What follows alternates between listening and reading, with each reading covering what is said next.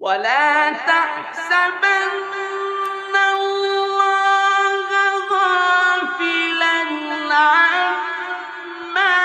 يعمل الظالمون. إنما ليوم تشخص فيه.